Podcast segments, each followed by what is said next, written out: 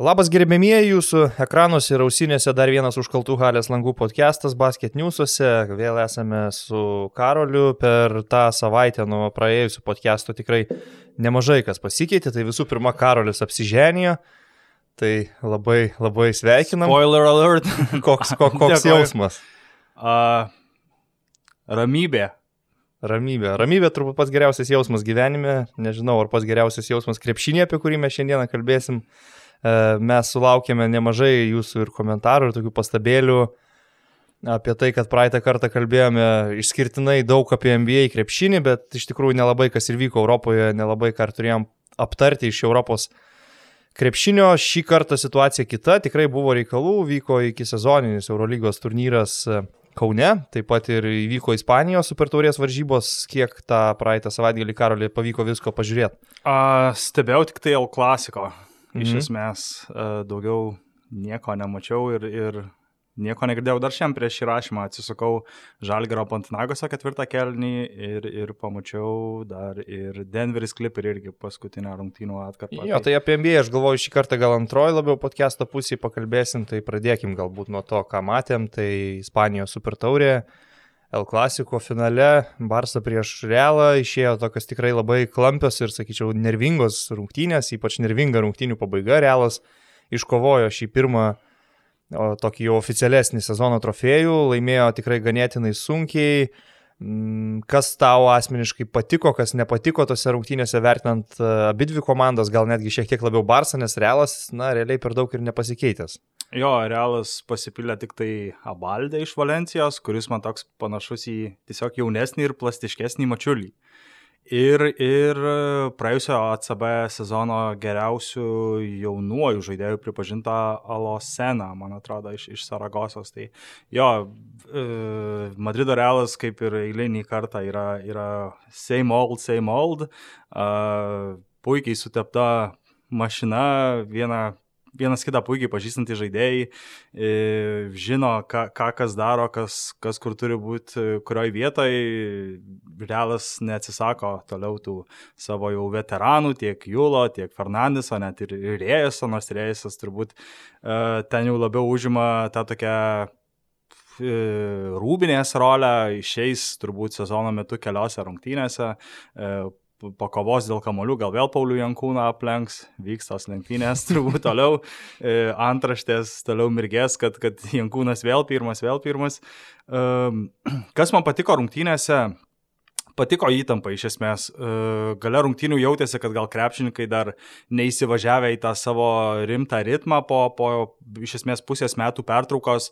E, gal kiek keistai atrodė, kai tokie patyrę žaidėjai kaip mažasis Fakų, kaip Mirotičius, prametė baudas, Fakundo net ir abi iš, iš keturių, gal tris net prametė gale, bet vis tiek įmetė lemiamą metimą. E, labai daug Barsa, atsiprašau, Realas, kaip ir galima buvo tikėtis, rizikavo ant Kalateso ir Kalateso šiaip tritaškai iš esmės gali būti e, skirtumas tarp laimėtų titulų šį sezoną ir, ir, ir likimų antriems ar net nepatekimų į finalą.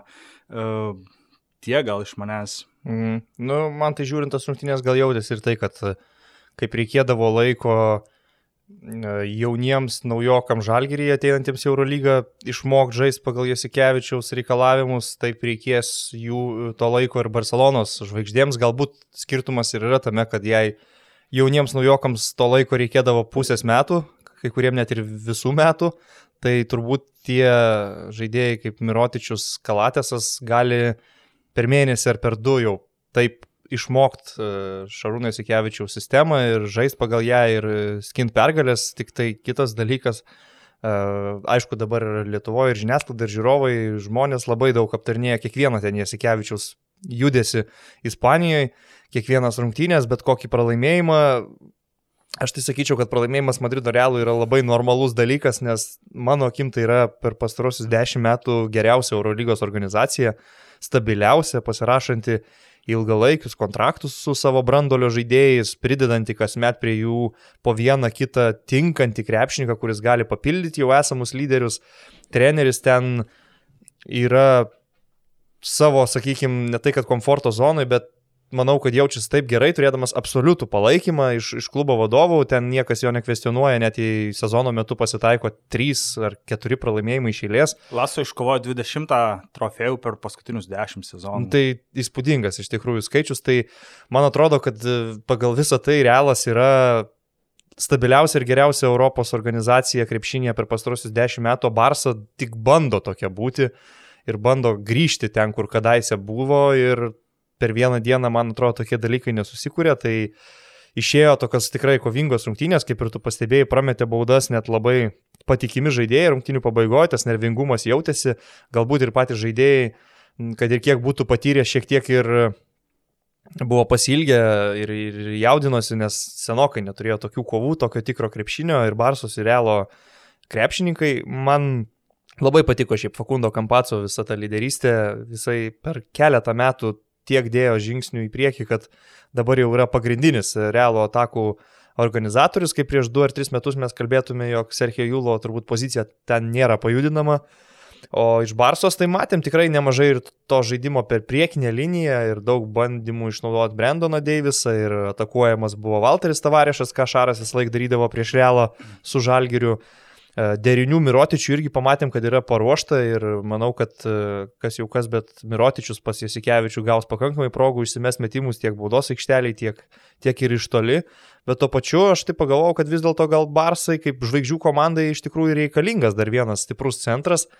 Ir nežinau, ką tu galvoji, man tai pasirodė tokia vos ne kaip netiesioginė gal ir žinutė Barcelonai, Marko Gasolio komentarai po paskutinių rungtynių su, su Bostonu, jis tampa laisvu agentu ir pasakė, kad jį labai domintų galimybė žaisti Europoje ir laimėti titulus. Aš tai galvoju, kad čia gali būti tokia kaip ir žinutė Barcelonos vadovams, kad ateikit su geru pasiūlymu ir aš mielai pasirašyčiau. Nemanai taip? Tai turbūt bet kuris brolis Gazolis su didžiausiu malonumu grįžtų į Barsą užbaigti karjeros.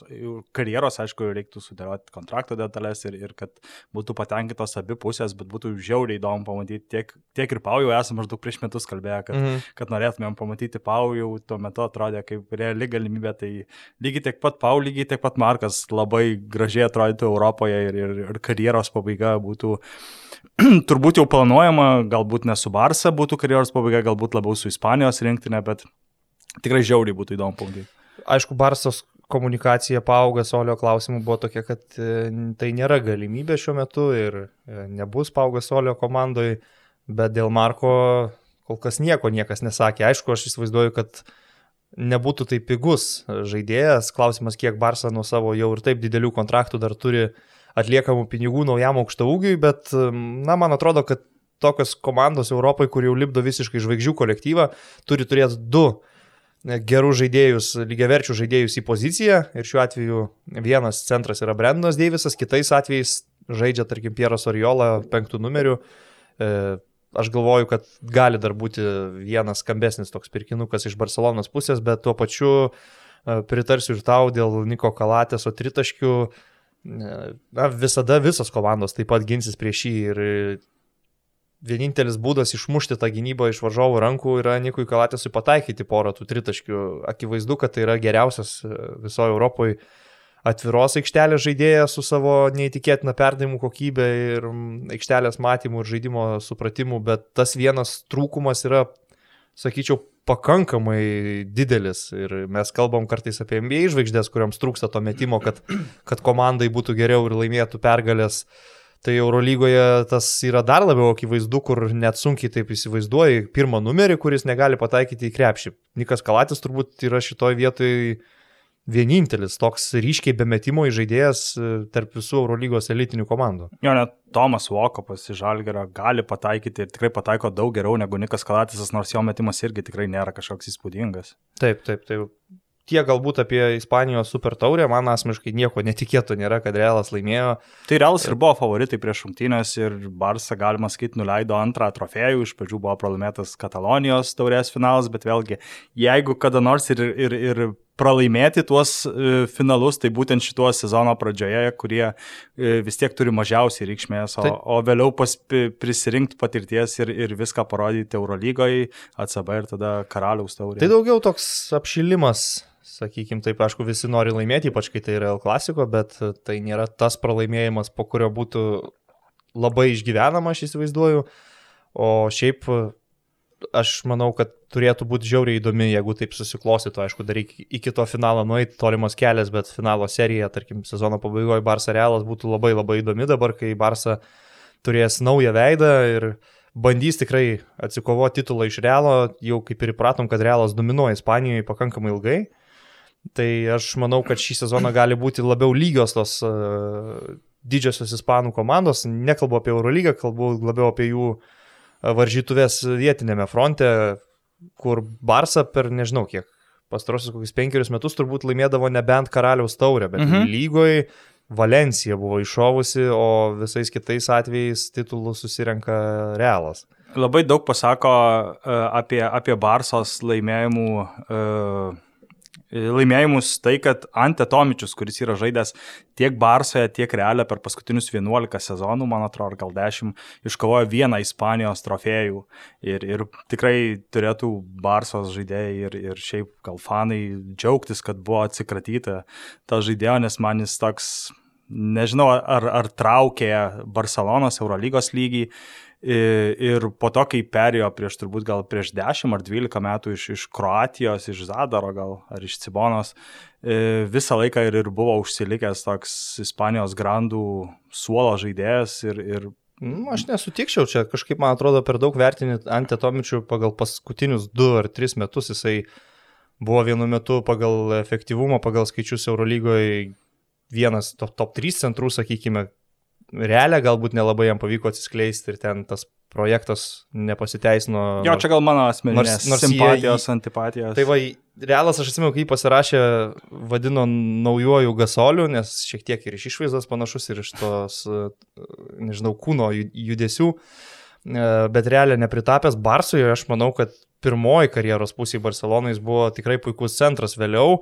Uh, ir pati Eurolyga keitėsi ir tapo vis labiau nepalanki tokiems lėtesniems klasikiniams centrams. Man tai jis visą laiką turėjo nuostabų aikštelės matymą, gerą sugebėjimą žaisti nugarai krepšį. Tik tai sutikčiau, kad jau paskutinius kelius metus toks centras buvo visiškai neefektyvus Barcelonai ir akivaizdžiai matėsi, ypač kai atėjo Brendonas Deivisas, kad jau reikia kitokio stiliaus penktų numerių norint e, būti elite ir laimėti titulus ir žaisti finalo ketvirtuose, tai turbūt ir Antetomičiui buvo pas laikas išeiti ir išėjo jisai į kitą Katalonijos klubą Žuventutą ir, ir Barsai jau reikėjo permainų šitoj vietoj, tai viskas logiška, tik tai aš nesutikčiau, kad jis nebuvo geras centras per visą karjerą Barcelonui, bet titulų mažokai iš tikrųjų, galima sakyti, ir titulų badas kaip tokio dydžio klubui. Man šiaip įdomu dar į realą žiūrint yra, kiek, pavyzdžiui, klubo vadovai ir Pablo Laso uh, galvoja apie gyvenimą po Julo, Fernandeso, Rėjaso, Kerolo, kiek e, yra mąstoma, tarkim, pasirašant ir naujus žaidėjus kaip pabaldė, kad galbūt jis per artimiausius du metus ten pasims Rudy Fernandeso minutės ir panašiai, nes akivaizdu, kad e, artėja prie pabaigos e, būtent to ispaniško veteranų kolektyvo karjera Madride, puikia karjera, bet akivaizdžiai su kiekvienais metais vis mažiau efektyvesni Eurolygoje ypač tampa ir Jūlas, ir Rūdi, tai man įdomu, e, ar atsiras, tarkim, ir Ispanijoje, ir iš Realo akademijos jaunų ispanų krepšininkų, kurie gali tapti panašaus kalibro lyderiais. Bet su šitais jaunais žaidėjais kaip Abaldė, kaip Garuba yra, aišku, vis dar ta rizika, kad jie uh, sužais vieną, du sezonus ir išvažiuos į NBA, ką beje ir, ir darė, tarkim, Rudy Fernandesas, vėliau uh, grįžęs į, į Realą, į Ispaniją, jis prieš tai žaidė Badalonai. E, Julas taip niekada ir neišvažiavo, tai čia gal Realui galima sakyti ir pasisekė, įtenkino visas kontrakto sąlygos, visas gyvenimas Madride žaidė, jis tapo klubo veidu, tai reiks rasti tų žaidėjų, kurie gal arba uh, neišvažiuos į NBA, arba išvažiavę ir, ir ten gal nebūtinai pritapę grįžtų į realą. Aišku, realas taip pat ir Barsa. Uh, Europos krepšinio kontekste man yra išskirtiniai klubai tuo, kad jie gal be ne vieninteliai iš tikrųjų turi veikiančią, puikiai funkcionuojančią akademiją, kur nuolat atsiranda tų jaunų krepšininkų iškylančių arba pagrindinėje komandoje žaidžiančių ilgai, arba išvykstančių į NBA lygą. Tai minėjai realo tos pavyzdžius, tarkim, galima pažiūrėti ir į Barsos akademikus, tai ir Abrinėsas, ir Satoranskis su Hezonija, visi jie iš Barsos važiavo į NBA. Vieniems geriau susiklostė, kitiems blogiau, Abrinėsas sugrįžo ir bando tarsi atgyvinti savo karjerą, nors sunkiai kol kas sekasi. Bet apie Barsas Realo akademijas gal daugiau pakalbėsim kitą savaitę, aš manau, nes pristatinėsime taip po truputėlį visas Eurolygos komandas, jau bus nebedaug likę iki sezono starto ir apžvelgsime visas komandas, jų komplektaciją, potencialią vietą galbūt sezono turnyro lentelėje, o dabar dar apžvelgime ir įvykius Kaune, tas, tas kontrolinis keturių Eurolygos komandų turnyras, kurį laimėjo Milano Armanė, antri liko Žalgyriečiai, trečioje vietoje Tienų Panatnaikosas, paskutiniai vietoje liko Berlyno Albo, dėl trečios vietos beje buvo pratesimas, labai rezultatyvios rungtynės, kur Panatnaikosas laimėjo berot 110, 102 ar 104. E, ir buvo jau leidžiami žiūrovai į areną, nors man ta atmosfera buvo labai nepilnavertė vis dėlto. Tu nebuvai arenui? Aš arenui nebuvau, aš dirbau, komentavau iš studijos, bet vis tiek jauti ir iš studijos dirbdamas e, tą triukšmo lygį, tai matosi, kad e, arena pustuštė, nors jis susikoncentravę, tarkim, ir Green White Boys į savo sektorių ir bando užves dainom skanduotėm, bet labai retai ten įsižiebdavo kažkokie tai kibirkštis, kalbant apie atmosferą. Na, aišku, keista jau žiūrėti į E, žiūrovų su kaukiams arenoje. Net šokėjo su kaukiam. Net šokėjo su kaukiam, taip.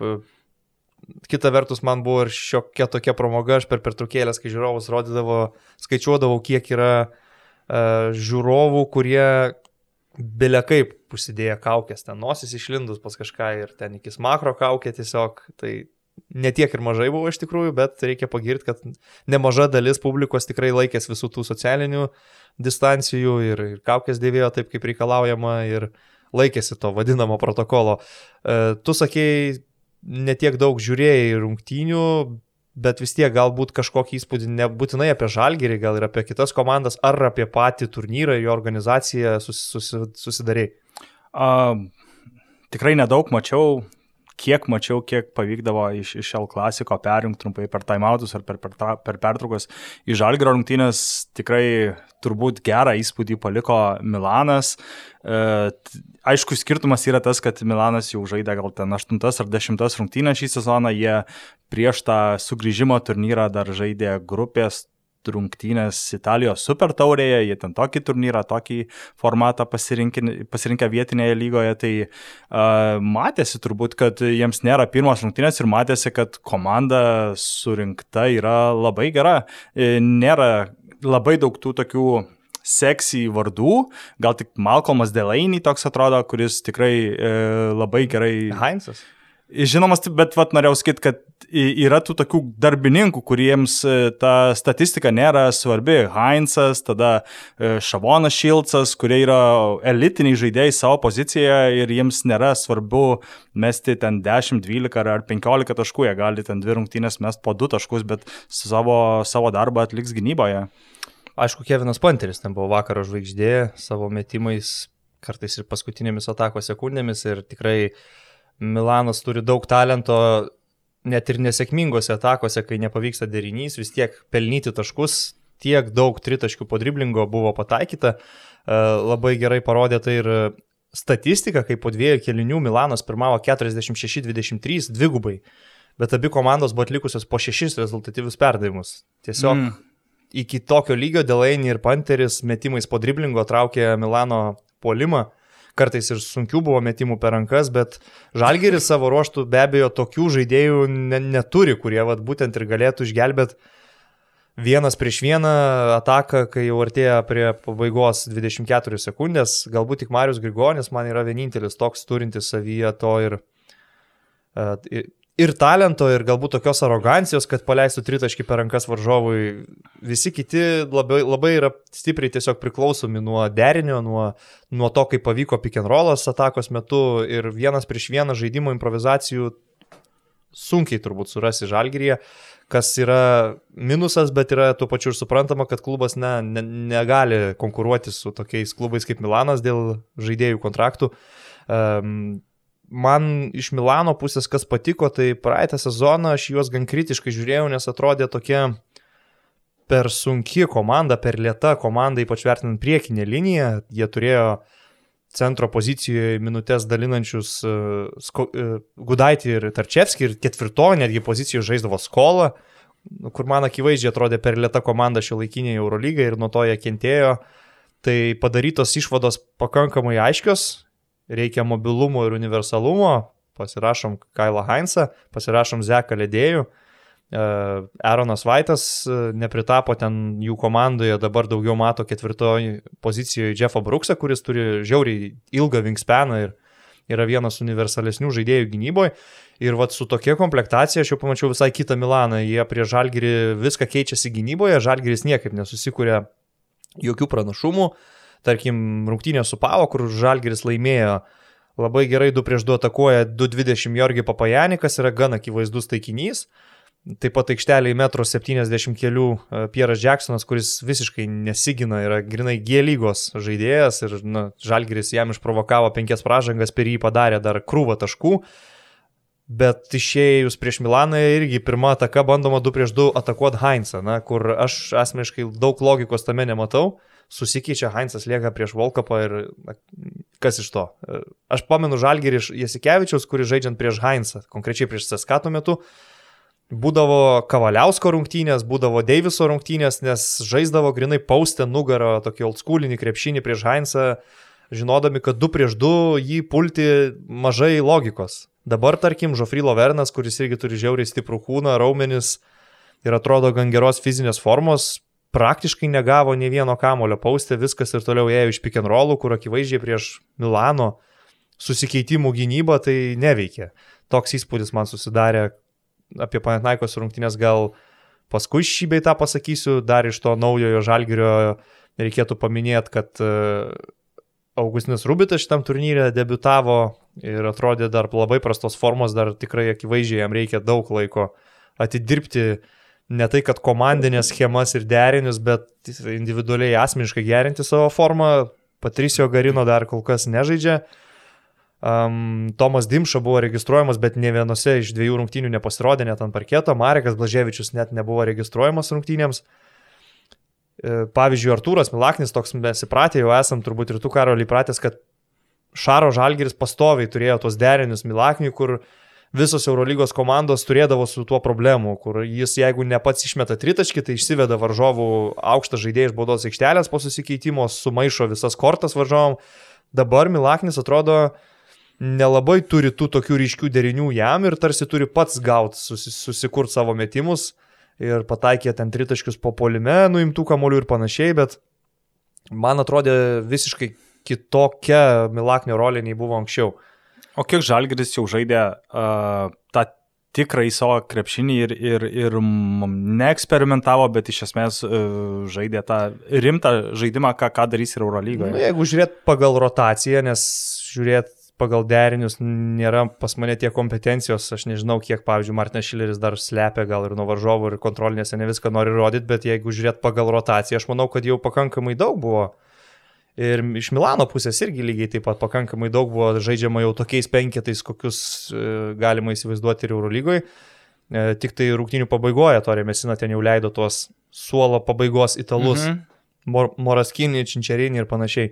Tai Šileris, tarkim, Abiejose rungtynėse turėjo savo starto penketą tą patį - Volkapas, Grigonis, Vasturija, Lovernas ir Heizas. Ir šitas, šito penketo žaidėjai daugiausiai minučių praleido aikštelėje, žaidė pabaigas, net ir su Milanu pralaimint milžiniškų skirtumų irgi žaidė pabaigą. E, tai man atrodo jau buvo netiek ir mažai to tikrojo žalgerio veido, tik tai tiek, kad aš manau, kad kai jau pasveiks ir įsilies į komandą Patricio Garino, jis yra tas pagrindinis trečias numeris, ne, ne Styvas Vasturijas, sakykime, kuris dabar gavo šansų ir turbūt mato į treneris kaip tokį gynybinį žaidėją, nors su Milano Olimpija sunkiai jam sekės gynyboje susitvarkyti su tokiais kaip Kevinas Panteris.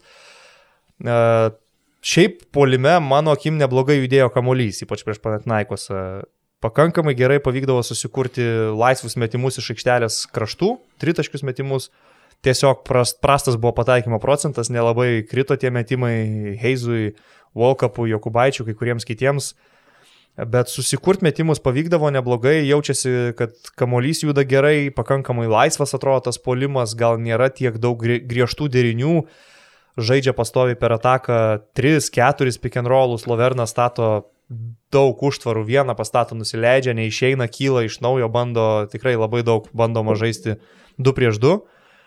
E, tokie galbūt būtų pagrindiniai įspūdžiai. Mano akim tai jau yra arti to krepšinio, kokį žalgeris nori žaisti pagal rotaciją, žaidėjų minutės ir taip toliau. Vien jau ką pasako, kad jeigu Tomas Dimša registruojamas kaip 12 žaidėjas draugiškoms, bet nepasirodo aikštelėje, net, tarkim, ketvirtam kelnį su Milanu pralaimint apie 20 jo, kas taškų. yra keista. E, kiek mačiau ketvirtam kelnį, man patiko Heiso perdavimai, tokie judančiam, bėgančiam Wokopui e, tranzicijoje, kai bandė Pantnagusą spausti, iš to gavosi e, du dėjimai Lauvernė, e, Alejūpai tikrai turbūt gražiausi rungtynių momentai, nors visų rungtynių ir nemačiau. Lygiai tas pats buvo ir pozicinėje atakoje, kai e, Wokopas numetęs ant 45 laipsnių kampo stovinčiam Heisui kirto pro užtvarą ir gavo laisvas įmesti iš pakrepšio, tai patiko Heiso perdimo kultūra ir, ir patiko nors ir, nors ir draugiškos rungtynės, bet vis tiek efektingi keli momentai, nors vėlgi, kaip jau sakiau, visų rungtynių tikrai nemačiau.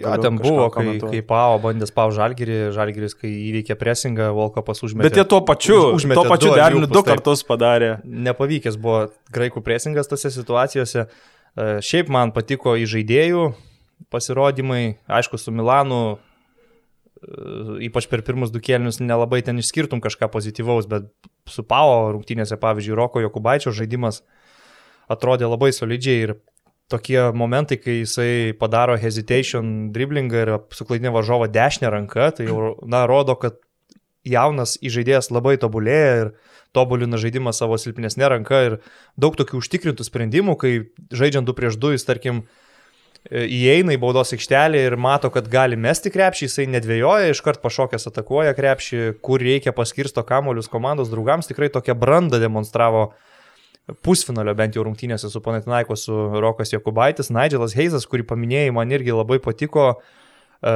nėra kažkokių skaičių didelių prie jo, nes tiesiog nepataikė daug laisvų metimų, bet jaučiasi tas jo žaidimo IQ, jaučiasi turbūt ir tai, kad jis metus daug mokėsi iš Arūno Jasikevičius, apie ką jis ir pats kalbėjo, kad vos ne iš naujo išmoko krepšinį, kai atvažiavo į Žalgirį žaisti Eurolygoje.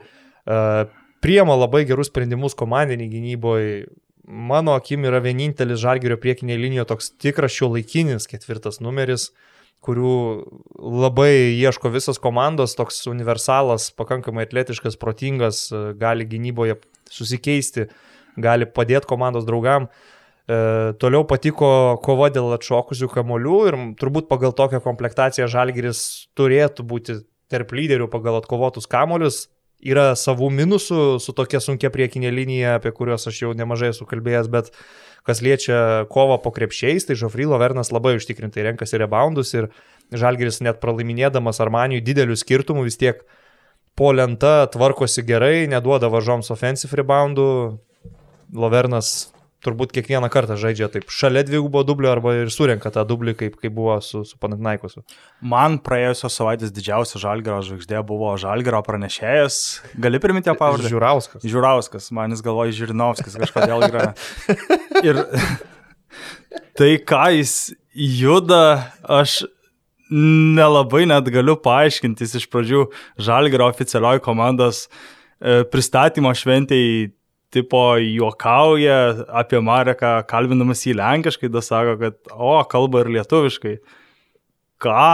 Ir sako, mes čia tai kauniai Vilniečius, taip žinai, su šypsena žiūrim. Aš nelabai suprantu, ką jis nori pasakyti. Ir, mes esame iškirpę beje tą video, jei norit pamatyti užkaltų Harės langų Facebook puslapyje. Jo, ir tada jeigu ten arenai, e, taigi tai, tai nėra kažkoks eilinis Žalgerio arenos valytojas, kuris galbūt ten išgeręs butelį Romo kažką gali papaustinti Facebook'e, tai yra vienintelis žmogus, kurį arenos lankytojai girdi rungtynių metu.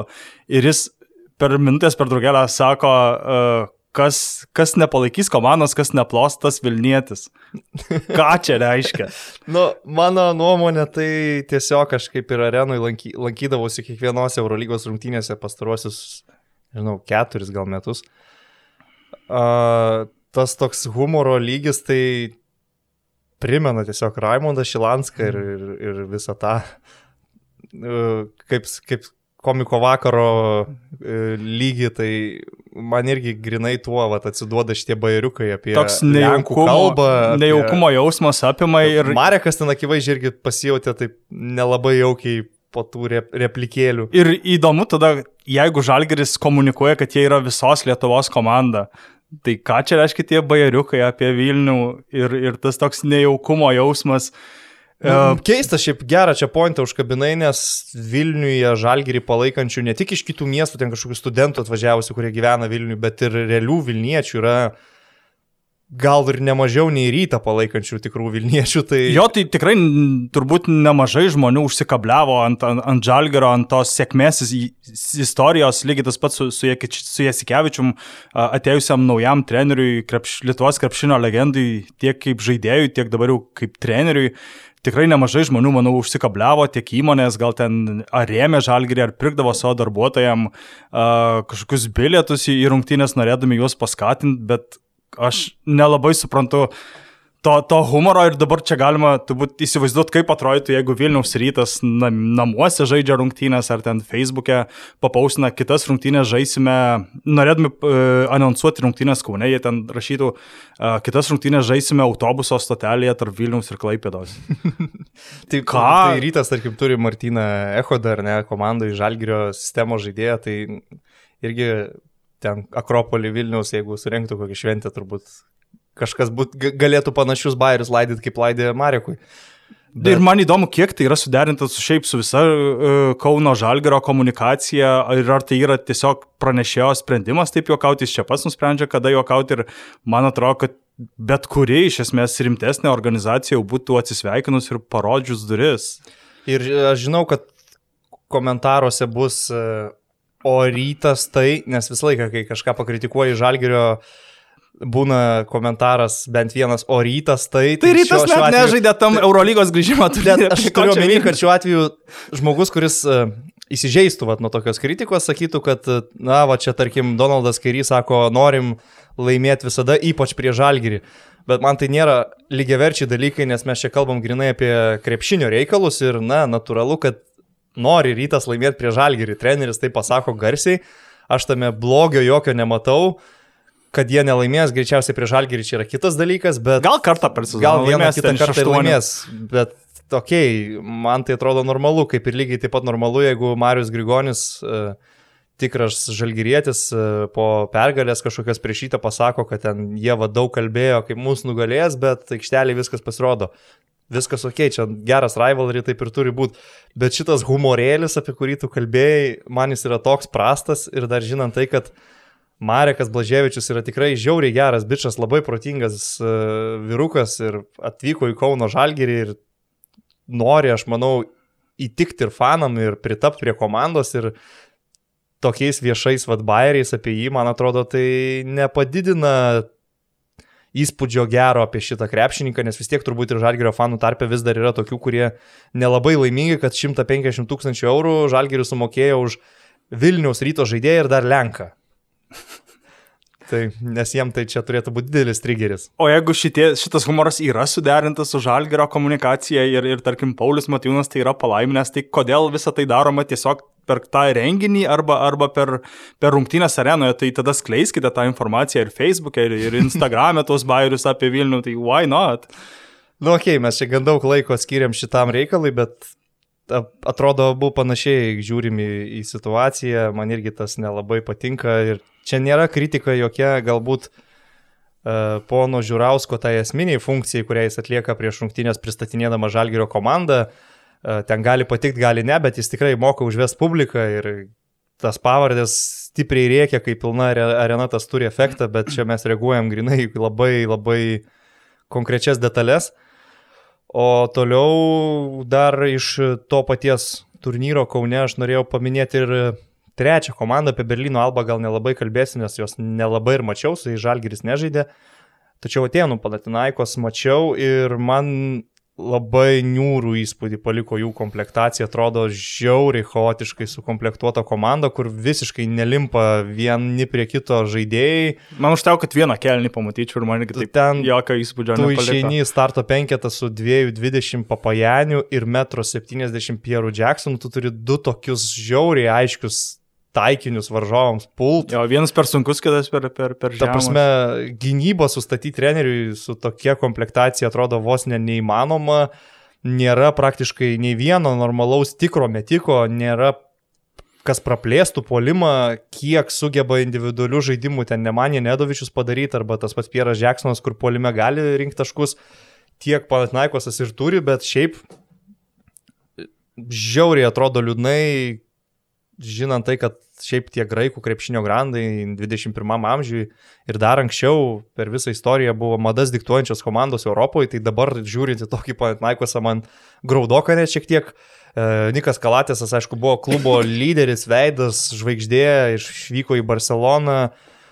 Sutinku, kad nerasi kito tokio lygiaverčio žaidėjo grinai, kad jį pakeistų, bet ar Pieras Jacksonas yra sprendimas į pagrindinio žaidėjo poziciją, tai aš labai abejoju. Tada... Įdomu, kodėl buvo atsisveikinta, pavyzdžiui, su Fredetu, su Raisu. Raisas, akivaizdu, kad niekur nenorėjo išvykti, nes jis pasirašė sutartį nors ir mėnesio trump, trukmės su AEKO, tai jis tikrai norėjo. Ir Raisas geresnis, manau, vis tiek būtų variantas nei kai kurie dabar esantis Panatinaikose. Treneris bando Howardą Centrosą iš CSK atėjusi kaip įžaidėja, atseit Kalatėso paprastesnė versija, irgi 2 metrai, gerai ginasi, mato aikštelę, ilgos rankos, bet neturi, dar labiau neturi metimo nei Nikas Kalatėsas ir neturi tokio sprendimų prieimimo kaip, kaip Kalatėsas. Nors įtudis jį mokėjo išnaudotoje trumpoje atkarpoje su CSK. Nu, man jis šiaip patiko CSK, kai žaidė vien dėl savo neįtikėtinos gynybos ir universalumo gynyboje ir atletiškumo bet Panatinaikos iš jo reikalaujama daryti daugiau dalykų su kamoliu, kas akivaizdžiai nėra jo duona. Viena yra žaisti CSK, šalia ten Maiko Jameso, tarkim, aikštelėje, ar netgi tokių Janių strėlininkų ir panašiai, kurie gali susikurti metimą, žaisti 2 prieš 2, tau daugiau reikia rūpintis gynybą, tik retkarčiais polime užsimti kažkokią kūrybinę veiklą. Tai Panatinaikose iš jo reikalaujama žymiai daugiau ir aš abejoju, ar jis gali patemti tiek, kad taptų tikrųjų žaidėjų. Mm, Visą kitą jau minėjau, ten Papajanis, Mitoglų, graikų milžinai, kuriuos visi atakuoja, nėra ketvirtų numerių pataikančių iš toli, Aronas Vaitas tikrai nėra tas tikras ketvirtas pataikantis žaidėjas, jo tritaškių procentas turbūt per karjerą kokie 27 ar panašiai. Belia kaip sukomplektuota atrodo Panaikoso komanda, aš ir komentuodamas pasakiau, kai Žalgiris laimi, kad e, ne, ne šiaip, kad Žalgiris laimi šiuose rungtynėse, man tiesiog Žalgiris atrodo geriau sukomplektuota, geresnė komanda ir aš drąsiai spėčiau, kad Panaikosas nepateks niekaip į to paštuonis. Tai gal dar Tanasis grįž vidury, vidury sezono, jeigu Janį išmainys, o klubas nenorės ir brolio. Nu, tai čia bus belekoks game changeris, nes, nes tikrai komandai, kuri neturi ne vieno metiko, trūksta būtent tokio žaidėjo kaip Tanasis ant kumpo. aš tai šiandien Pantanagos, aš tikrųjų įverdinsiu, šiandien vyks Vilniuje rungtynės su ryto ir, ir uh, bus įdomu pamatyti, kaip žemesnio lygio komanda bandys priešintis Eurolygos klubui. Rungtynės, kiek suprantu, vyksta į mažesniai saliai, mm. tai ten irgi gal kažkiek pranašumas bus ryto, bet uh, džiugu turbūt bent jau Vilniaus fanams turėtų būti, kad atsivežamas toks istorinis ir garsus klubas, gal dabar ne, neišgyventi savo geriausių laikų, gal tie geriausi laikai buvo prieš kokius 10 metų, 12 metų, bet uh, ir tų žaidėjų turbūt neliko, bet uh, bus įdomu pamatyti, kaip, kaip rytas bandys vis tiek mesti iššūkį prieš artėjančias LKL KVS. Jo, aš tai asmeniškai šią savaitę ir šiandien, ir, ir po to rytoj dirbsiu su Eurolygos, o kitų draugiškų turnyrų, kur... Valencijoje. Taip, Valencijoje ir pamatysiu dar keturias Eurolygos e, komandas ir Valencija, ir, ir Villerbano Sveli, ir Müncheno Bayerną, dabar primiršau, kas, kas yra ketvirtas mhm. klubas tose varžybose, bet irgi bus galimybė pasižiūrėti į komandas prieš artėjantį sezoną. Šiaip tai mes, aišku, ir Panatnaikoso, ir Olimpiakoso, ir kitų perspektyvas bandysim paprognozuoti, kaip ir minėjau, kitą savaitę, pasiruošim tikrai tokį jau išsamesnį preview apie visas Eurolygos kaip ir praėjusias komandas, sezoną. kaip ir darėm praeitą sezoną, kaip ir netgi iki mūsų podcast'o bandydavau kažkiek daryti puslapyje užkaltų halės langų tokias apžvalgas. Tai šitą paliksim kitam kartui, prieš einant prie NBA reikalų, ar dar pats turi kažką iš Europos, ką norėtum pasakyti ar padiskutuoti? Apie LKL gal nekalbam, ne?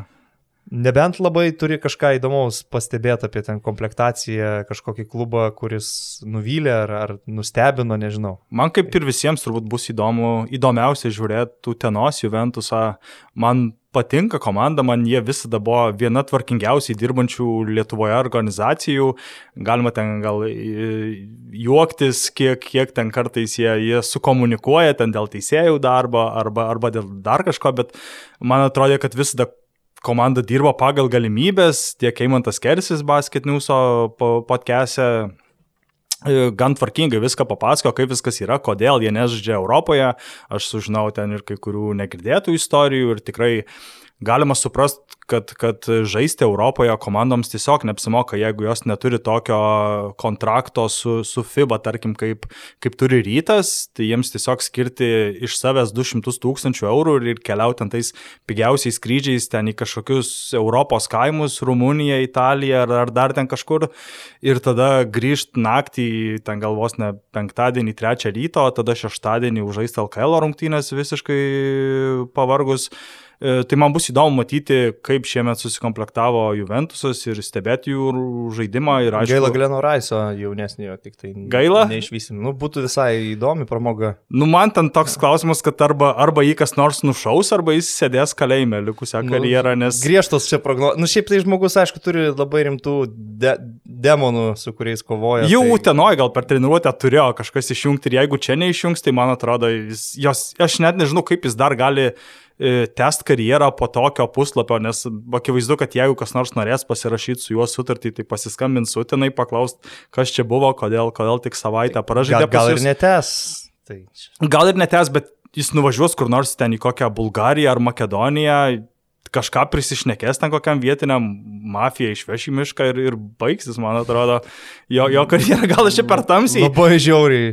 Bet aš taip įsivaizduoju, jeigu jis antiek neadekvatus ir, ir nesupranta, ką jis daro ir kur atvažiuoja į Europą, tai aš kito scenarijaus jau nematau. Man, man iš visko tai susidaro įspūdis, kad tiesiog žmogus turi didelių psichologinių problemų, gal net ir kažkokį sutrikimą.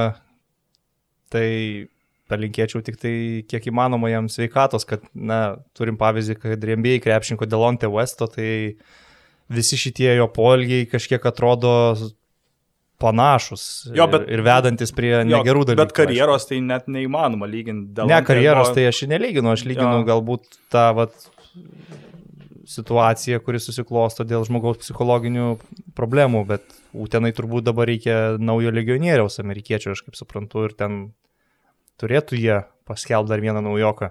Jo, tai jeigu ten savaitę ar dvi vėluos tas paskelbimas, nes mm. buvo sugamblinta ant, ant, ant Gleno Raiso, tai gal nieko labai baisaus. Nu ir aišku, labiausiai gaila man yra Alitaus Zukijos. Aš kaip politiškis, man yra gėda iš viską tokia organizacija, ar e, egzistuoja jau paskutinius 3-4 metus e, galėtų jie tiesiog greičiau užkrist atgal į NKL, gal ten savivaldybė nuimtų tą paramą ir, ir neaišku, kur tie pinigai yra panaudojami. Man gaila, kad Tomas Pačiasas yra paėmęs Alitaus krepšinio iš esmės bendruomenę įkaitais, pats dirba taryboje, Valdemaras Homičius dirba taryboje, skiria pinigus Alitaus Dzukijai, kur klubo direktoriai yra Pačiaso žmona, kur neaišku, ką 4-5 sezonus paskutinius veikia Pačiaso sūnus. Jį ten išleidžia tiesiog kaip šokėja prie žalgerį gauti du stogus likus minutiai gėdinga iš viską tokia organizacija egzistuoja ir man tai tipo, galėtų tiesiog greičiau uždaryti šitą projektą. Nu, galėtų, bet jeigu neuždaro, tai naudingas kažkam projektas yra. Akivaizdu. tai daugiau kas, nežinau, tau iš artėjančio LKL sezono intriguoja, domina, nežinau, pats, ką pavyzdžiui galvoju, gal rytas kažkiek prieartėjo prie žalgerio ir kažkokią intrigą gali gaivinti. Gal net žalgeris labiau prieartėjo prie ryto. Aš manau, kad žinant, kaip baigėsi praėjęs sezonas, galbūt klubai rimčiau žiūrės į šį reguliarų į sezoną, nors ir tikiu, kad LKL baigsis su, su playoffais, tvarkingai, su serijom, su visko, bet atsiminant, kad praėjusį sezoną, nepasibaigus sezonui, tiesiog buvo vainikuoti čempionai, mhm. e, tai galbūt kiek rimčiau bus žiūrima į kiekvienas rungtynės, nes nežinai, kad šį, šią savaitę dar žaidžiam, kitą savaitę gali būti jau pasibaigęs sezonas, blogiausiu atveju niekada negali žinoti. Tai man atrodo, kad gal bus rimčiau žiūrima į visas rungtynės ir, ir, ir tiems, kam patinka LKL, kas mato tikslą žiūrėti tą, tą čempionatą, turėtų būti įdomios kovos. Nu, ir dėl tos vietos ketvirtį dabar, kai Neptūnas toks e, smarkiai kuklesnis, turbūt Tenos Juventusas net atrodo labiau ketvirta komanda pagal, jo. pagal komplektaciją ant popieriaus. Lietkabelis kaip trečia komanda, vienu metu man atrodė gal net apylygiai su rytu, bet kai jau rytas pasirašė visus legionierius ir juos paskelbė, įsivaizduojant, kad tarkim tokios sudėties rytas ir žaistų visą sezoną, man jie vis tiek išlieka. Čia tobulo atveju taip, žaistų taip, visą sezoną. Išlieka ne iki gruodžio, ne iki Kaip sausio. antra komanda Lietuvoje stipresnė, atrodo, už Lietkabelį, bet konkurencijų šitoje vietoje bus, aš manau, ir e, tas dalykas intriguoja, kad e, Lietkabelis pasirinko Eurocapą, rytas pasirašė sutartį su FIBA, rytui patekti į LKL finalą, tai nebūtų šiaip patekti į LKL finalą, tai būtų patekimas ir 200 tūkstančių eurų. Papildomų. Taip, iš FIBOS. Sportinių principų, ne va tai susidirbai savo rezultatais. Lietkabeliui tai būtų tiesiog patekimas į finalą, nes Eurolyga aišku nemoka premijų už tai, kad LKL e užėmė kažkokią tai vietą. Tai e, rytui čia šalia tų visų principų ir tikslų eina ir didelė finansinė motivacija. Aš įsivaizduočiau, kad klubo vadovai atitinkamai nuo to, kokią vietą užims žaidėjai ir kur nukeliaus, ar pateks į finalą ar ne, numatė galbūt ir tam tikrus bonusus, kas turėtų motivuoti juos labiau žaisti finale. Tai toks vat yra šiek tiek gal ir kreivas tas Europos krepšinio pasaulis, kai du klubai, ne, ne tai kad du klubai, dešimt klubų žaidžia vienoje lygoje, bet tik vienas iš dešimties klubų gauna pinigų už užimtas vietas iš FIBOS organizacijos. Tai skamba taip ne kažką, bet tokia yra E, Europos krepšinio realybę. Ir apie rytą dar kalbant, pamiršom paminėti e, pastarųjų dienų tas naujienas e, susijusias su permainomis komandos komplektacijoje, kuri jau atrodė baigta, bet panašu, kad ne. Atvyko Estijos rinktinės žaidėjas Kristianas Kitsingas, galbūt kaip toks laikinas problemos sprendimas į poziciją, tikrai nėra išskirtinio lygio žaidėjas, bet tikriausiai pasirengęs atiduoti visą save, kad pasirodytų kiek įmanoma aukštesniam lygyje. Tai jis gal kaip paskaidį žaidė Kalevę ar, ar kažkaip kitaip, nu vis nu, tiek čia treneris, man atrodo, tikrai žino, tai yra Estijos rinktinės žaidėjas, visa kita, bet netrodo jis labai aukšto lygio žaidėjas, kad e, taip sustiprintų rytą ilgoje distancijoje. Man atrodo, kaip kažkoks trumpalaikis problemos sprendimas konkrečioje pozicijoje, priekiniai linijai. Ir Sauliaus Kulviečio ta situacija dabar turbūt labiausiai neramina visus ryto fanus. Uh, taip atrodo, kad e, žaidėjas turi čiurnos problemų, apie kurias klubas nebuvo informuotas ir nepraeina medicinės patikros ir gali būti taip, kad iš vis nepamatysime Sauliaus Kulviečio Vilniaus ryto komandų šį sezoną. Žaidėjo, kuris buvo numatytas tarsi kaip Eimanto Bendžiaus pamaina, ieškant stretch for stiliaus krepšininko į sunkiojo polėjo poziciją, lietuvių tarpe tokių nelabai daugiau ir buvo ir vienintelė akivaizdesnė variantą rytas nugrebė būtent Saulių Kulvietį, bet gali būti, kad jis taip ir nesužais. Jo, ir bando, akivaizdu, kad rytas pasimto antro ešalono geriausius lietuvius, tai Saulis Kulvietis buvo vienas iš tokių, turbūt pradžiuginęs ir fanus. Uh, ta naujiena, kad atvažiuoja į rytą, yra žaidęs gal už rytą, ne, bet už perlą, tai yra ryto sistemoje. Uh, dabar jau galima sakyti patyręs krepšininkas, daug metų žaidęs LKL, e, visą sezoną žaidęs Ispanijos aukščiausioje lygoje, pernai Prancūzijoje. Tai atrodė, kad, kad tikrai geras ir tinkamas rytui pirkinys, bet jeigu neišbės į aikštelę, tai turbūt nemažas praradimas. Ir kažkaip ryto organizacijai nesiseka, jie atrodo šią vasarą, šį terpsezonį nieko tokio ir nedaro, kad būtų skandalų apie juos, kad kritikuotų už blogus kontraktus ir panašiai, kaip anksčiau būna uh, E, būdavo pastoviai, ar ten net nesutarimai būdavo klubo viduje, ten tarp Kleizos ir Jaručio. Ir atrodo, nieko tokio jau klubas nedaro, bet ištinka va tokia nesėkmė su žaidėju, kuris jau e, pasirašytas, pristatytas e, žmonėms, laukia visi jo debituojančių aikštelį ir bam, pasirodo kažkas yra su čiurna. Matysim, kuo baigsis visa šita istorija taip atrodo ir kiek girdim, tai rytas dar ieško pastiprinimo priekinėje linijoje, galvoja apie dar vieną legionierių, turbūt iš Junktinių Amerikos valstijų. Lauksim tų naujienų, o LKL startuoja jau, jau šią savaitę, jau jau šį savaitgalį. Jo, kaip supratau, turėjo atidarimo rungtynės ir būti ar tarp ryto ir rutinos jau kelis metus yra ta tokia minimali priešprieša, gimusi turbūt iš taurės rungtynių, Taip. kur burtai visada suvesdavo ir, ir Juventusas yra ir išmetęs rytą vieną kartą, kitus kartus buvo gal netoli išmetimo, bet vėliau paaiškėjo, kad tos atidarimas visgi vyks penktadienį, gal ir neoficialus, Neptūnas žais su, su Alitaus Zukija, bet čia gal irgi nieko tokio labai blogo, kad e, atidarimas vyks ne per pirmose rungtynėse, nes tarkim, mm. aš tokį akivaizdžiausią pavyzdį sugalvojau, kad olimpinėse žaidynėse futbolas irgi prasideda, futbolo sporto šaka prasideda prieš uh, tą oficialų žaidynų atidarimą, tai nežinau, kiek čia adekvatus palyginimas, bet... Man tai čia normalus smulkmenas, štai ja. labai nesureikšminčiau šiaip tas uh, iškelimas rungtynių vienerių, tarkim, turą rungtynių penktadienį, atrodo visai gerai veikianti praktika futbole. Uh, čia yra orientuota, aišku, į televizijos žiūrovus, kad kiekvieną dieną žmogus turėtų ką, ką žiūrėti. Turbūt krepšinėje Euro, Eurolygos sezono metu neapsimokėtų tau penktadienio vakarai žaisti rungtynių, bet iš bėdos. Na, dabar, kol galima, man atrodo visai yra logiška, sakau, yra futbolo puikus pavyzdys, didžiosios lygos. Vokietija, kartais ir Anglija, Ispanija, Prancūzija iškelia vieną mačą į penktadienio vakarą, tarkim 22 val. Ir tai sutraukia pakankamai didelę auditoriją prie televizijos ekranų. Penktadienį žmonės jau baigia darbus, e, kitą dieną darbų nėra ir visai tinkamas atrodo laikas pažiūrėti sportą, jau galbūt ir išlenkiant vieną kitą bokalėlį. Vieną kitą. Vieną kitą jo. Tai Neptūnas, Zukija atrodo idealios rungtynės išlenkti ir ne vieną bokalą. net ir nežiūrint rungtynių. Flash score užsimetus rezultatą pats. Na, aš jau net neatsimenu, kada LKL taip reguliariai būtų žaidęs penktadieniais, būdavo ten, tarkim, ar playoffai, ar, ar, ar dar kažkas atsitiktinai iš, išmetama, bet anksčiau, kai LKL vykdavo back to back, penktadienį, šeštadienį žaisdavo visos komandos po, po tos du turus, tai seniai to nebuvo ir, ir kol Euro, Europo, Europos turnyrai neprasidės arba juose gal bus ten sezono vidury daroma pertrauka, tol ir žais po du turus LKL. Okay, tai... Netikėtai labai ilgai kalbėjom apie Lietuvos krepšinio lygį. Tai vis tiek naujas sezonas prasideda, yra tų naujienų, tu turėjai savo nuomonę ir apie Uteną teigiamą, ir apie Dzukiją kritišką. Tai buvo bent jau man visai įdomu ir išgirsti, ką pats galvoji apie, apie Lietuvos klubus, o dabar darysim tokį kokybinį šuolį nuo LKL prie NBA.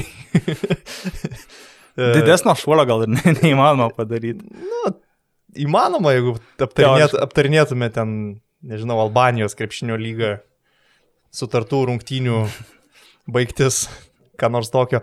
E, bet kokiu atveju e, skirksime dėmesio ir NBA savo podcast'e, nors, kaip sakiau, komentarų buvo gan kritiškų praeitą kartą, kad vieną apie NBA kalbėjom, nieko Europai, tai šį kartą Europai, man atrodo, skiriam pakankamai vos ne valandą ir dar pasiliekam savo laiko aptarti NBA aktualijas. Šį kartą beje įspėsiu be rubrikų būsim, nes ir taip visko nemažai susikaupę, rubrikas pasiliekam kitam galbūt kartui. Uh, ok, tai NBA E, konferencijų finalai ant nosies, dar lieka vienas nežinomasis, Denveris su Clippers turės septintasias rungtynės. Kiek netikėtai. Labai Man asmeniškai žiauriai netikėtai, kitoje pusėje viskas yra aišku. Bostonas ištraukė seriją prieš Torontą, žiauriai sunkia serija laimėjo 4-3 ir stoja į dvikovą su Miami Heat. Pradėkim šį kartą nuo vakarų, nes ten dar yra nebaigta serija Clippers su Denveriu. 3-1 pirmavo Utah prieš Denverį, 4-3 laimėjo Denveris, 3-1 pirmavo Clippers, 3-3 rezultatas ir ne tik, kad 3-1 pirmavo, bet uh, penktų rungtynių trečio kėlinio maždaug viduryje Clippers buvo beveik plus 20. Tai tas pats šeštų rungtynių trečio buvo. kėlinio viduryje apie plus 15. Ir abiem atvejais nuo trečio kėlinio vidurio žaidė tik viena komanda, tai buvo Nuggets. Ir žaidė visų pirma Nikola Jokičius kosminį krepšinį, kai jis taip gerai tokiu aukštu procentu pataiko tuos tritaškius pick and popo situacijose, tiesiog nėra kaip prieš jį apsiginti. Išeisi su lengvesniu, mobilesniu žaidėju prieš jį, tada lenda į paustą ir daužai į nugarą į krepšį žaidži su Zubotu, Harelu, jie nespėja prišokti prie jo tritašk, prie tritaškio linijos ir jisai baudžia tais super aukštą trajektoriją tokiais balionais. Tritaškiai. Man tai neįtikėtinai gražu buvo stebėti Jokičių praėjusiose rungtynėse, nors aš pats labiau prijaučiu kliperiam ir uh, noriu, kad Kawhi Leonardas kovotų dėl dar vieno čempionų žiedo, bet Denveris demonstruoja neįtikėtinus dalykus kol kas šitose playoffuose. Kliperiai šeštose rungtynėse antroje rungtynių pusėje pataikė gal tik 26 procentus savo metimų į žaidimo, pralaimėjo antrą pusę apie 30 taškų, jeigu ne, ne, neklystu. E, Denveris jau laimėjo penkias iš eilės eliminacijos rungtynės, tris prieš Jutą, dabar dvi prieš, um, dvi prieš Clipperius, kaip po rungtynių juokavo Maikas Malaunas, kad jau atsibodo pakuotis daiktus prieš kiekvienas rungtynės, nes nežinai, laimėsi, nelaimėsi, o pagal tą NBA burbulo protokolą turi susipakuoti ir jeigu pralaimi iškart į viešbutį, šmutkės pasiimi ir į, ir į, ir į oro uostą.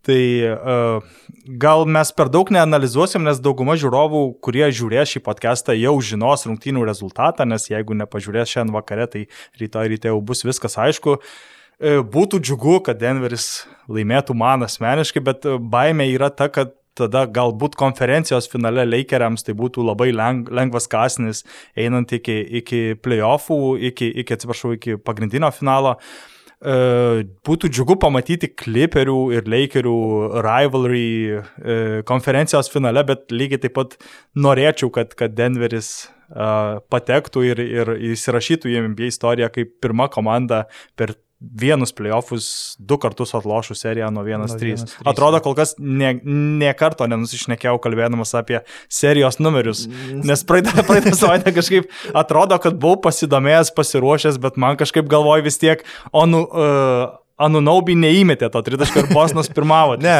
dabar viskas, viskas gerai, faktinių klaidų neužfiksavau, liktai, na, man tai atrodo taip, kad Clippers pralaimėjimas šitoj serijoje e, būtų traktuojamas kaip fesko, surinkta komanda laimėti iškart. Ir aš nematyčiau variantų, tarkim, klubui tęs bendradarbiavimą su Doku Riversu, e, kuriam nepavyko vis dėlto išspausti visko iš Kriso Polo, Blake'o Griffino, Džemalo Crawfordo ir kitų žaidėjų projekto, kur irgi buvo tikslai, na, bent jau žais vakarų konferencijos finale. Ir irgi pirmavo 3-1 prieš Houstoną ir taip. namie šeštose taip. rungtynėse apie plus 20 turėjo ir ten užčiaukino. Ir dabar turi dar geresnę komandą, mano nuomonė, ant popieriaus netgi geriausią komandą, giliausią. Ir pralaimėti Denveriui pirmaujant 3-1 tikrai būtų fiasko ir aš manau, kad e, galėtume sulaukti ir naujienų apie Doko Riverso atleidimą Kitas dalykas ir žaidėjai negali kaltinti trenerio klai dėl pralaimėjimų, nes aš žiūrėdamas į šios playoffus nematau to tikrojo Lou Williamso, nematau tikrojo Montrezlo Herelo. Kartais taip net atrodo, kad Clipper žaidžia gal 60 procentų savo pajėgumo ir patys net nesugeba pereiti prie šimto dėl kažkokių tai priežasčių. Net ir Kawhi Leonardas, tarkim, labai neblogai uždengtas Tori Krego paskutinėse rungtynėse atrodo kažkiek pavargęs, nežinau. Uh, nors ir jis yra tas tylusis komandos lyderis, kuris turi tem komandą, aš labai daug tikiuosi iš jo septintosiose rungtynėse, labai daug tikiuosi ir iš tokių žaidėjų kaip Lou Williamsas, kad jie vis tiek turi iššaut kažkada, kada jie ne dabar.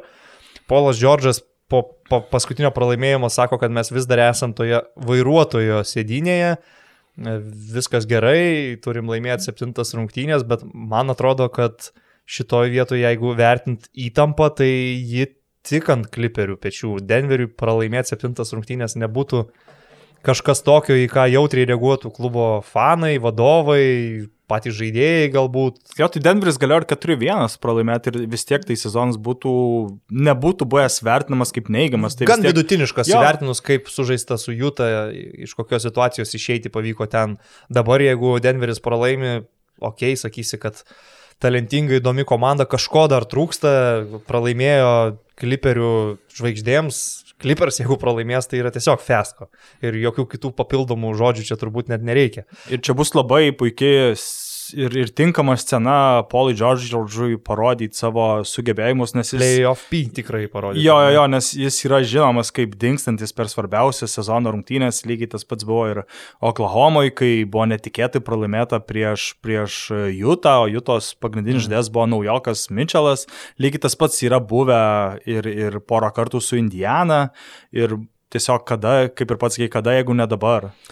Džordžas šiaip šito serijoje renka pakankamai daug taškų, bet nėra labai aukštas jo pataikymo procentas, kad ir praėjusiuose rungtynėse jis pelnė virš 30 beros taškų, pataikė 9 metimus iš 21 žaidimo ir svarbiu metu, kai jau Denveris buvo perlaužęs mačą, bet dar Clippers galėjo laikytis rungtynėse, prametė ir keletą laisvų tritaškių, bet ne jis vienintelis, aš čia neišskirčiau jo, nes ir visi kiti kažkaip užsiblokavo staiga nuo trečio kelnių vidurio. Kad apsiginti negalėjo yra vienas dalykas, bet kad nebesugebėdavo pataikyti, o kartais nesusikurt metimų, tai jau yra šiek tiek keista. Nežinau, kokios yra priežastys ir jų esminės problemos, matysim, kiek jie sugebėjo jas išsispręsti per keletą naktų, išsivalyti galvas ir pasiruošti lemiamam rungtynėm. Nugget savo ruoštų uh, turėjo bėdų dėl Džemalo Mari traumelės, kurią jis patyrė praeitose rungtynėse ir ten vos nešlubuodamas jas užbaigė. Nors ir žaidė vis tiek labai solidžiai, bet jautėsi, kad uh, jam tikrai skauda koja. Tikiuosi, kad atsigavo pilnai, nes tokiuose septintose rungtynėse visada noris matyti stipriausias komandas be, be traumų. Sakiau, kad neanalizuosim, bet vis tiek analizuojam. Prieš, nu, čia taip. Priešnekėjom, tai dabar nėra, keliamės. Nėra prognozės, čia šiaip žvilgsnis į tą mačą, lūkesčiai asmeniniai galbūt, e, tada pakalbėkime apie tai, kas jau, kaip sakant, nepasens, jeigu ir klausysit rytoj ir poryt, e, užbaigtos serijos.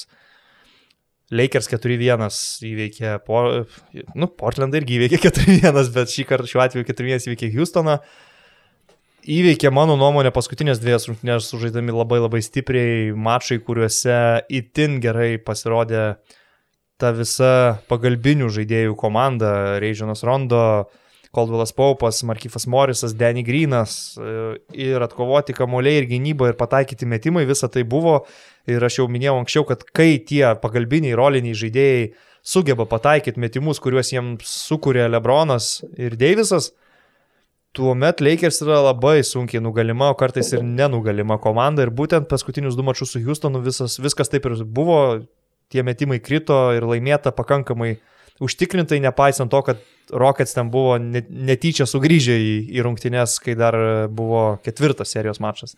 E, įdomu, kuria linkme dabar pasuks Houstonas, jie kaip ir ėjo alainant to small ball penketo, aš tame gal nematau didelės problemos, nes Houstonas galbūt matė, kad jie paprastomis sąlygomis nu, negali laimėti NBA ir jie bandė išras dviratį, dviračio išras nepavyko, e, akivaizdžiai trūko ūgio po krepšiu, e, jeigu ten pirmose ar, ar ten dar kažkuriuose rungtynėse Houstonui pavyko gal kažkiek susitvarkyti su, su Anthony Davisu, pavyko laikyti intrigą iki rungtynių galo, e, kai kuriuose rungtynėse ketvirto, ketvirto kelio vidury net ir pirmaut.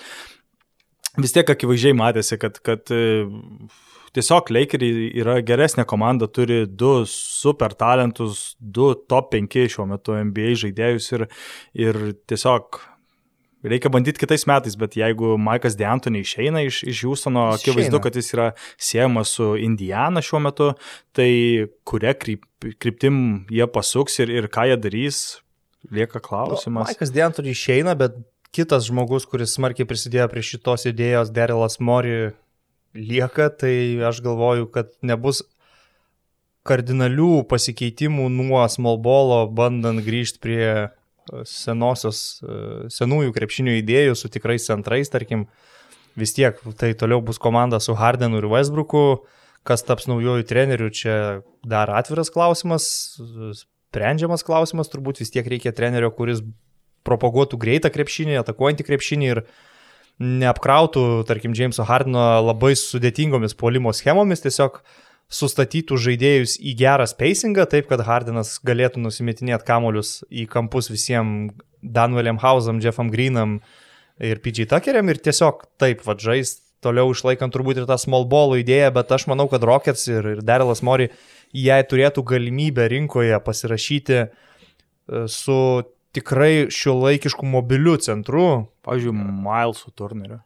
Net nesakyčiau Milesų turnyrį. Milesas turnyris vis tiek yra labiau toks baudos aikštelės saugotojas. Aš jau kalbu apie tokius Bemo Debajo profilio žaidėjus, kurie yra labai universalūs centrai. Jų nėra daug ir aš net nelabai sugalvoju jiem tinkamą. Bet jeigu galėtų ir atsirastų tokia galimybė, aš manau, jie mielai to pasinaudotų. Nes Milesas Turnis, na tai turėjo Klintą kapelą, kuris iki traumos irgi iš esmės. Tai aš galvoju, ar jie dabar, gali, metimus, ar jie dabar persigalvotų ir gražintų Šiaip, tą trejdą. Covingtonas yra puikus žaidėjas, mano manimu, bet vis tiek aš galvoju, kad NBA krepšinėje, kur ta lyga man to ir įdomi, kad komandos kartais pasirašo žaidėją grinai dėl vienos playoffų serijos, kuri gali susiklosti, nes varžovai turi tokį ir tokį krepšininką, šiuo atveju, tarkim, įmam Lakers turi Anthony Davisą, ir jų konkurentai pasirašo kontraktą su kažkokiu žaidėju grinai dėl vienos specifinės užduoties potencialioj serijai su Lakers, kad jis kažką padarytų prieš Anthony Davisą. Čia kaip rytas 2.15 pačias pasirašė lapetą, nes reiks dengti vujuką finale ir, ir iki finalo nepavyko. Bet e, NBA kultūroje tas yra labai normalu, kad ir tarkim Miami Heat ruošiasi playoffams, galvoja, kaip jie dar labiau gali savo gynybinę sieną nuo Janio sustiprinti ir ateina Andrėjai Gudala, kuris dar tampa papildomų kūnų, galinčių pristabdyti Milwaukee žvaigždę. Tai NBA lygoje tai yra labai normalūs procesai ir aš galvoju, kad Houstonas norėtų rasti tokį tinkamą variantą, ar ras labai sunku pasakyti, aš dabar nesu tiek įsigilinęs ir išanalizavęs būsimos laisvų agentų rinkos, tarkim mano kolega Tautvidas Šležas sako, kad jiem labai tiktų Nerlensas Noelis, kuris nebūtų brangus, ir pagal savo profilį, atletiškumą atitiktų Houstono Rockets žaidimo filosofiją. Bet turbūt pirmas, pirmas žingsnis tai yra, aišku, pasiskirti naują trenerį. Tai dabar jau gal keliaujam į rytus. Jo, dabar galim keliauti į rytus, kad Lakers ramiai e, laukia savo varžovų, atsipalaidavę galės pasižiūrėti septintasias rungtynės, o rytų konferencijoje jau startuos finalo komandos Miami Heat ir Bostono Celtics. Pakal... Ma Miamis jau visą savaitę laukia varžovo nuo paskutinio mūsų podcast'o, kai įrašinėjo Miamis buvo ką tik uždaręs Milwaukee. Tai... Miamis tik vieną pralaimėjimą turi šiuose playoffuose iš viso. Ja. Tai jie tikrai laimi savo daug poilsio, taip gerai žaisdami ir rinkdami pergalės. Na, klausimas, ar neišmuša iš ritmo jų kažkiek tokios ilgos priverstinės pertraukos, bet viską turbūt pamatysim jau per pirmasias rungtynes, ar jiems tas polisis į naudą, ar, ar kažkuriem žaidėjim galbūt kaip tik pakiša koją. Jo, čia amžinas toks klausimas, Taip. amerikiečiai, amerikiečių žurnalistai vis už, užduoda rust versus rest. Ar, ar, ar geriau? Ir čia vienos tiesos nėra, man. Jo, jo. Tiesiog, čia yra nuomonės klausimas ir gal net individualiai kiekvienam žaidėjui skirtingai veikia tokie procesai. Uh, Bet pakalbėkime apie pasibaigusią Bostono seriją su Torontu, kuri baigėsi rezultatu 4-3. Man atrodo, logiškai laimėjo tą komandą, kuri ir turėjo laimėti, žiūrėdamas ir šeštas, ir septintas rungtynės. Aš mačiau, kad na, Celtics tikrai susikūrė geresnius metimus, geriau juda kamolys, Raptors tam, kad laimėtų, nes jų polimas buvo smarkiai sugriautas varžovų gynybos, jiems, kad laimėtų, reikėjo labai kažkokių herojiškų Kailo Lauri metimų ar tai prasiveržimų, Fredo Van Vlyto sudėtingų tritaškių, Normano Pavolo, Normano Pavolo heroizmo pratesime, ypač su tose rungtynėse, kurias pavyko laimėti šeštosiose rungtynėse, kur jau kelis kartus atrodė Boston, Torontas pralaimėjęs, bet staiga atsirado Pavolas, įmetė tritaškį, Nunaubį įmetė tritaškį. Jiems vat reikėjo tokių herojiškų veiksmų tam, kad laimėtų vienas rungtynės, kai Bostonas pakankamai gerai atrodė su savo paprastu tuo žaidimu ir, ir kamulio judėjimu ir kiek daug buvo sukūrėma laisvų tritaškių iš kraštų, nelabai jie krito Džėlinui Brownui, tarkim, šitoj serijoje, bet Bostonas mano akim žaidė kokybiškesnį krepšinį ir nusipelnė laimėti, o iš neigiamos pusės labai kritiškai šioje serijoje vertinau Paskalį sekamą iš tikrųjų nuo pat pradžios serijos iki pat pabaigos. Tai jis ir po serijos sakė, kad prisėimų didelę dalį kalties, jis, jis ir iš savęs, ir, ir, ir iš jo komandos draugai ir, ir fanai tikrai tikėjosi daugiau. Jam nepavyko nei pataikyti iš toli, nei pažaisti paustę. E, laimėtose rungtynėse Torontas tikrai jas visas iš esmės išvargdavo, o, o Bostono pergalės atrodė daug lengviau. E, jau likus penkioms minutėms kartais buvo aišku, kad Bostonas laimės ir būtų buvę gal net kažkiek neteisinga, jeigu Torontas būtų iš, išnešęs savo... Išlindęs. Jo, jo, septintose rungtynėse, nors ir septintose rungtynėse Bosnas atrodė tikrai geresnė komanda ir turėjo daug lengviau laimėti, bet e, Torontas turi tą savo tokią nepasidavimo mentality, e, kuri kapojasi iki galo, nesvarbu koks rezultatas, čia man atrodo akivaizdus yra Niko Nurso e, indėlis į, į komandos psichologiją ir jie tiek ir prisikasė vien, vien dėl to. Jo, iš tikrųjų visą mačą stebėjau, kovojau ir su miegais, nes labai ėmė miegą, žaidė nuo 4 valandų ryto, tas 7 rungtynės, taip, taip, bet aš jau tiesiog, tiesiog iki galo, iki pat 7 ryto tempiau. Per minutės pertraukėlės, aišku, sunku būdavo neužmigti, bet šiaip... O per minutės pertraukėlės ten yra 3 minutės ir 40 sekundžių. Trunka. Jo, aš vis bandau atprasakyti minutės pertraukėlę, kai kalbu apie NBA, tiesiog pertraukėlę. Uh, Bet neužmigau, pažiūrėjau viską iki galo ir visada man ta mintis galvoj buvo, kad Bostonas žaidžia daug geriau, turi laimėti rungtynės paprastai, kokiais 10 taškų, tarkim, 12 taškų, be dramatiškos pabaigos, bet vis tiek pabaigoje kažkurio metu, dabar nepasakysiu, kiek laiko buvo likę, minus 3 ir Van Vlytas meta 3 taškį ir gali išlyginti rungtynių rezultatą. Man atrodo, buvo gal vienu metu minus 2 ir gal normalas Pavelas perėmė kamuolį, bėgo į greitą ir smartas prilipdė. Tas, wow. Man apskritai smartas šitoj serijai po Haywardo traumos išėjęs į starto penketą, kaip jis žaidė šitą seriją. Ne tik ta gynyba ir atsidavimas komandai visose situacijose, bet ir pataikyti ganėtinai svarbus metimai. Buvo 5-3 taškų per kėlinį rungtynės, visas tas jo noras būti lyderiu, kai sunkus momentas rungtynėse, jis yra tas, kur su, surinka žaidėjus aplink save ir atelėje emocingai užvedinėja komandos draugus, žiauriai gražu man buvo žiūrėti Markus Smartą šitos serijos metu. Toks nestatistinis Bostono Celtics komandos veidas, nes žvaigždės tai aišku yra Teitumas pirmoje vietoje, antroje vietoje Braunas, tada Kemba pagal talentą, pagal polimo rodiklius, bet Markusas Martas man yra toks grinai komandos veidas pagal atsidavimą ir norą laimėti. Tiesiog. Jo, ir Bostono fanai žiauriai myli Markusas Martą, jis ilgai yra komandoje, Bostono e, draftintas žaidėjas, e, matęs ir šiltą, ir šaltą, aišku, jo karjeros metu Bostonas iš esmės visą laiką buvo labai gera komanda, tris kartus žaidė, bus jų dabar tris, tris kartus per paskutinius keturis metus žaidęs konferencijos finale, vieną kartą sunkiai sekėsi su Klyvlendu, be šansų pralaimėta, kitą kartą namuose septintose rungtynėse, bet dar tiek Braunas, tiek Teitumas buvo, jo labai jauni žaidėjai, labiausiai gal įsiminęs tas Teitumo dėjimas per, per Lebroną septintose rungtynėse. Ir dabar yra turbūt geriausias šansas nueiti vėl į finalą ir, ir grįžti į finalą po dešimties metų pertraukos. Jo žmonės jau pradeda fantazuoti apie istorinį finalą Celtics Lakers. Tai aš jau praeitam podcast'e buvau pradėjęs vaikyti. Kuris dabar yra pakankamai įmanomas, bet Nauja serija prasideda nuo švaraus lapo. Narsas prieš Stevensą buvo, mano akim, grinai trenerių serija.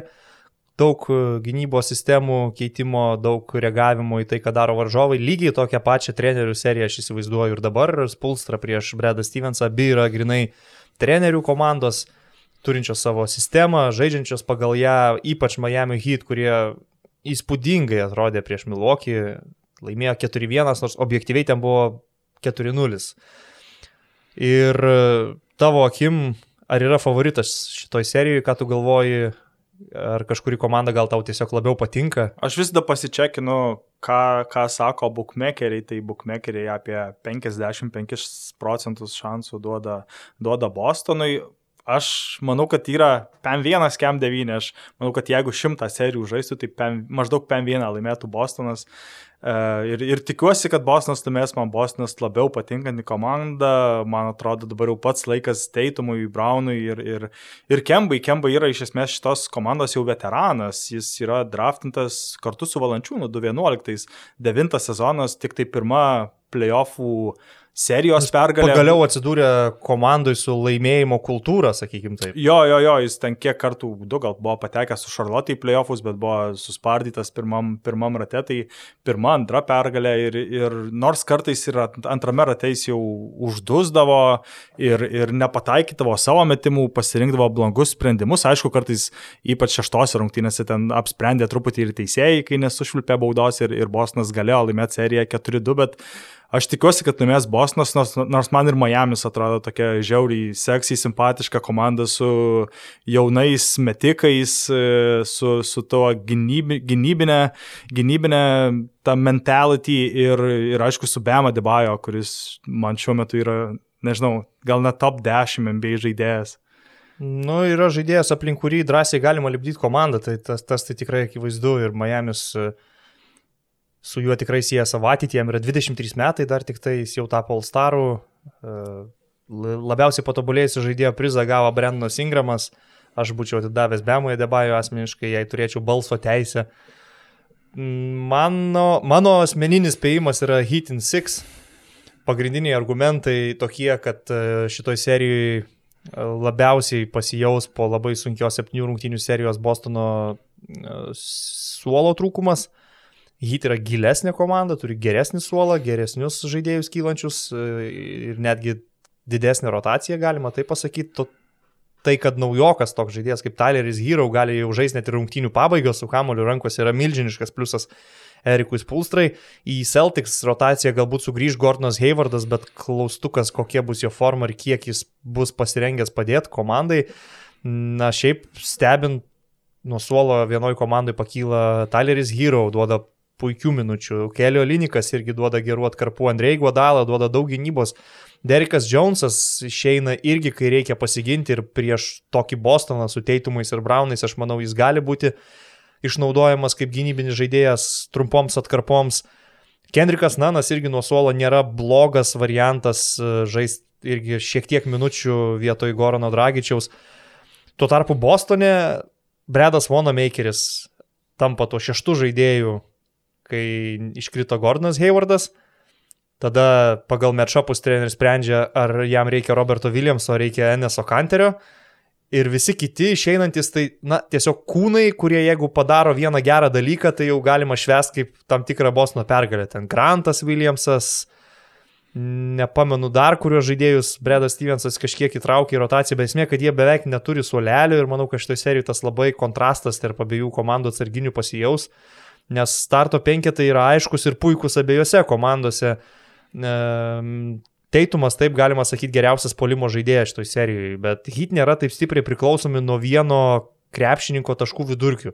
Jie gali laimėti rungtynės, kur Butleris rinko 8 taškus, tarkim, nes Dragičių žaidė labai gerai, nes Adebajo padarė visus tuos mažus dalykus, bet vis tiek per, per ilgą seriją bus rungtynių, kur ir Butleris jas nulėmė savo kietų žaidimų, jis mėgsta dominuoti, jis provokuoja pražangas, jisai labai man patinka to, kad nebijo atsakomybės, jam kaip tik žiauriai patinka pasimti kamolį, kai komanda išgyvena sunku laiką aikštelėje. Ir ta visa veteraniška patirtis ir jo, ir Dragičiaus man irgi yra toks argumentas už Miami, Miami pusę. O centro pozicijoje galvoju, kad Taisas, kuris puikiai susitvarkė su Torontu, pralaimės vis dėlto dvikovą Bemoje Debajo, bus labai sunku Danieliui Taisui ir mes greičiausiai matysime didelius hit centro skaičius. Tai mano tada spėjimas yra Bostonas in 5. Aš manau, kad tas atkaklės visas rungtynės Bostonas pasiims, gal kažkiek ir sėkmėliams, ir, ir meistriškumas, nors to didelio skirtumo tikrai nėra. Ir, ir Bostonas išeis į finalą ir ten kokią savaitę lauks Los Andželo klubų dvikovos laimėtojo. Okay. E, nu, aš savo spėjimą kaip ir pasakiau, šiaip ir tu žinai, ir turbūt visi žino, kas seka mano pasisakymus gal ir kitose podcastuose, tai kad aš nuo pat pradžių playoffų, net nuo burbulo pradžios labai stipriai tikėjau Miami Heat. Ir tai, kad jie laimėjo prieš Milokis, dar gerokai sustiprino tą mano tikėjimą šitą komandą. Gal vietomis aš net ir perlenkiu lasdą juos taip aukštindamas, bet man labai gerai jie atrodo ir uh, Aš įsivaizduočiau, kad jie net ir finale prieš ar tai Lakersus su Lebronu ar kitą vakarų komandą turėtų savo argumentų, bet man Bostonas irgi labai patinka. Taip kad e, nepasakyčiau, jog labai sirksiu už Miami šitoje serijoje, man patinka abi dvi komandos, tiesiog mėgausios gerų krepšinių ir e, įdomių trenerių taktinė dvikova. Wow, labai daug temų šiam palėtėm. Nu, tiek ir planavom iš esmės, gal greičiau tik tai planavom viską apkalbėti, bet kai, nu pats puikiai žinai, kai jau pradedi kalbėti, kol kolega kalba, dar kažką sugalvoji, kad reikia įterpti, taip, taip, ir, taip ir būna, bet šį kartą ir Europai, ir e, JAV krepšiniui skiriam pakankamai dėmesio, e, be rubrikų, nes ir taip nemažai laiko. Antro valandą 15. Tai rubrikas pasiliksime kitam kartui, pašlifuosim, pagalvosim kažką dar įdomesnio, anonsuoju, kad kitą savaitę darysime ir Eurolygos visų komandų pristatymą, apžvalgą, prognozes. Taip kad būtinai įsijunkite ir po savaitės. Ačiū, kad klausotės. Su jumis buvo užkalti halės langai. Dėkojom basketniusam, dėkojom visiems basketniusų patronam ir susiklausysim kitą kartą. Viso.